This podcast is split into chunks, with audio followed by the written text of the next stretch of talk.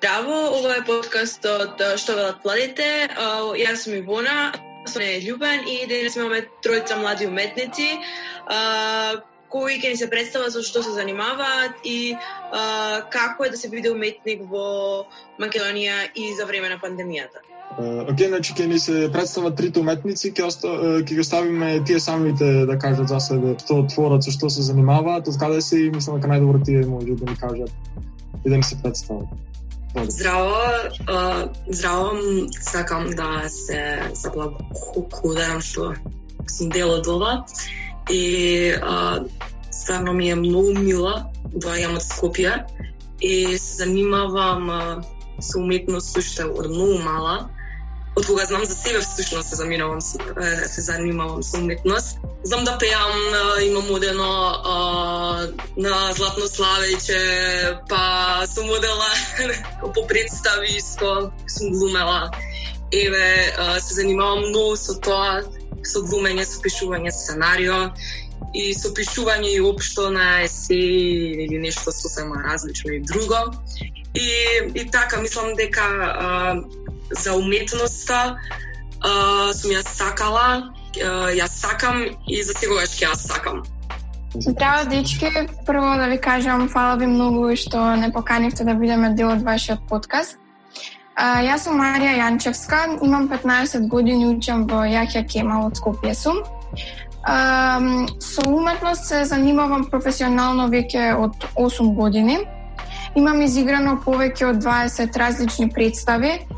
Последната представа која играв нели пред да почне пандемијава беше експеримент на режисерот Јане Спасич. Заокруживме на повеќе од 25 изведби.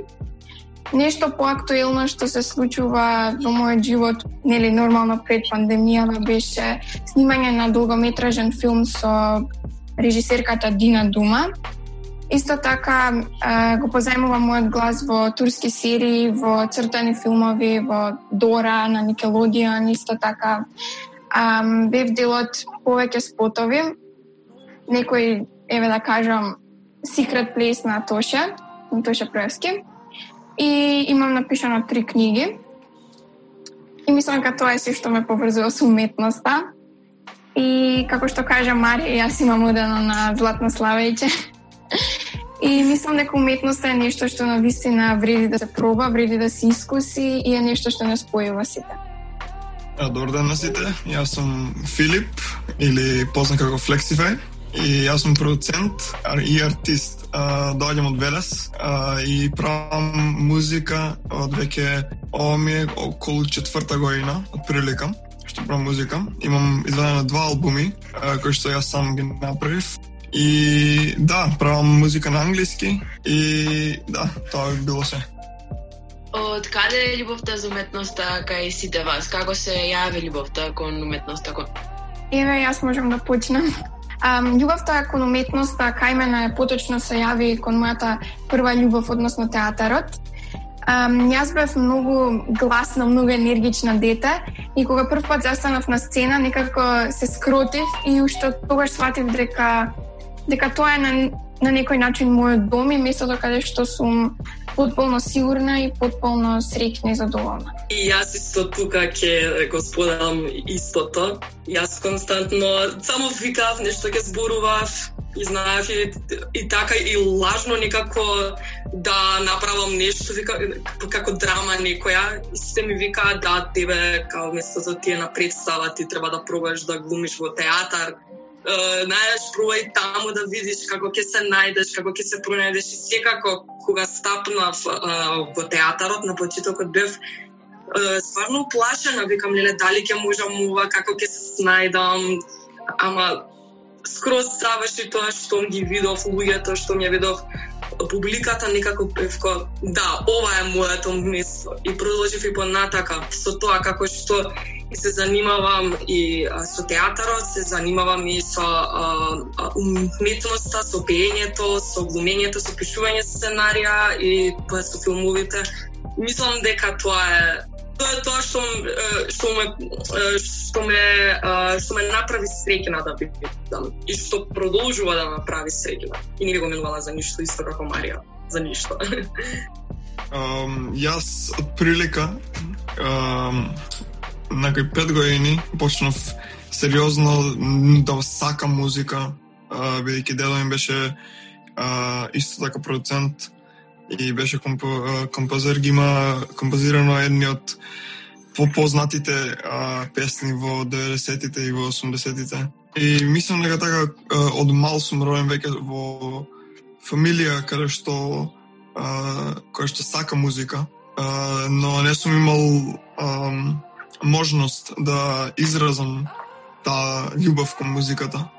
Така да а, почнав пред 4 години сериозно а, се кажав самиот себе а, дека ќе работам се што треба да докажам дека јас тотално не сакам музиката и да, тоа би било а, како започнав веќе со уметноста. Uh, добро, фала ви многу и моментално се наоѓаме сите во една состојба во пандемија која се наоѓаме се надеваме дека забрзо ќе излеземе од ова ситуација. Дали вас пандемијата да ви представува кочница во цело ваше творење или пак во пандемијата успеавте да пронајдете додатна инспирација или сте сосема индиферентни од пандемијата? Ајде почнеме од Марија и Мјанчевска, ти мислам дека театарот најмногу најмногу страдаше од оваа цела ситуација. Да, па можам да кажам дека вистина театарот најмногу страдаше. Меѓутоа за еден еден уметник воопшто не е да речам мачење да твори, па под кои околности да е, тој може да најде начин да твори. Па така и јас еве сега додека бевме во карантин, завршив мојата трета книга. Освен тоа одев на синхронизација, гледав, вежбав дома монолози сама, ги пишував, ги вежбав, се снимав, гледав како оди тоа. Мислам дека е, нашето подобрување во било кој поглед не мора да значи од околностите, ние треба ние сме како што знаеме луѓето се многу адаптабилни и ние задача ни е всушност да се адаптираме на околностите и тоа пробав јас да го направам. Карантинот си го сватив како време во времето кое другите не го живеат, а доколку најдеш причина можеш да го живееш и тој го направи. А дека уметностите страдаат, тоа е дефинитивно и навистина не знам како ќе се вратат во во нормала после карантинов. Мислам после пандемијава. Мислам дека многу претешко ќе биде да се вратат пак назад некако да И јас се сложувам оно што го кажа ти, значи секој а, уметник ќе си го пронајде својот пат. Еве и со Тремена ми се случи, значи веќе започнавме еден проект да правиме а, со продукција една и и се беше во ред, се убаво си одеше. Снимаме а, серија една за а, за проблемите на младите и како младите можат да се снајдат во различни насоки и во тоа за состојбата во нашата земја каква што е.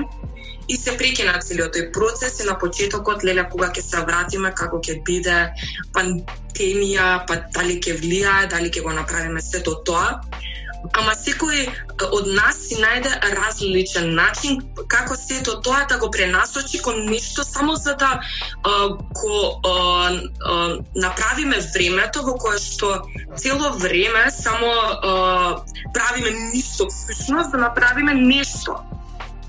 И успеавме во сето тоа. И на ви оба па се извинувам малце. И сето тоа, а, сето тоа а, стварно само а, носеше а, за идеи и плюс дополнителна работа, па ајде уште една работа, па уште една, па уште една и мислам дека а, само се а, струсивме, значи сите работи што не сме ги направиле во план ги скоцкавме.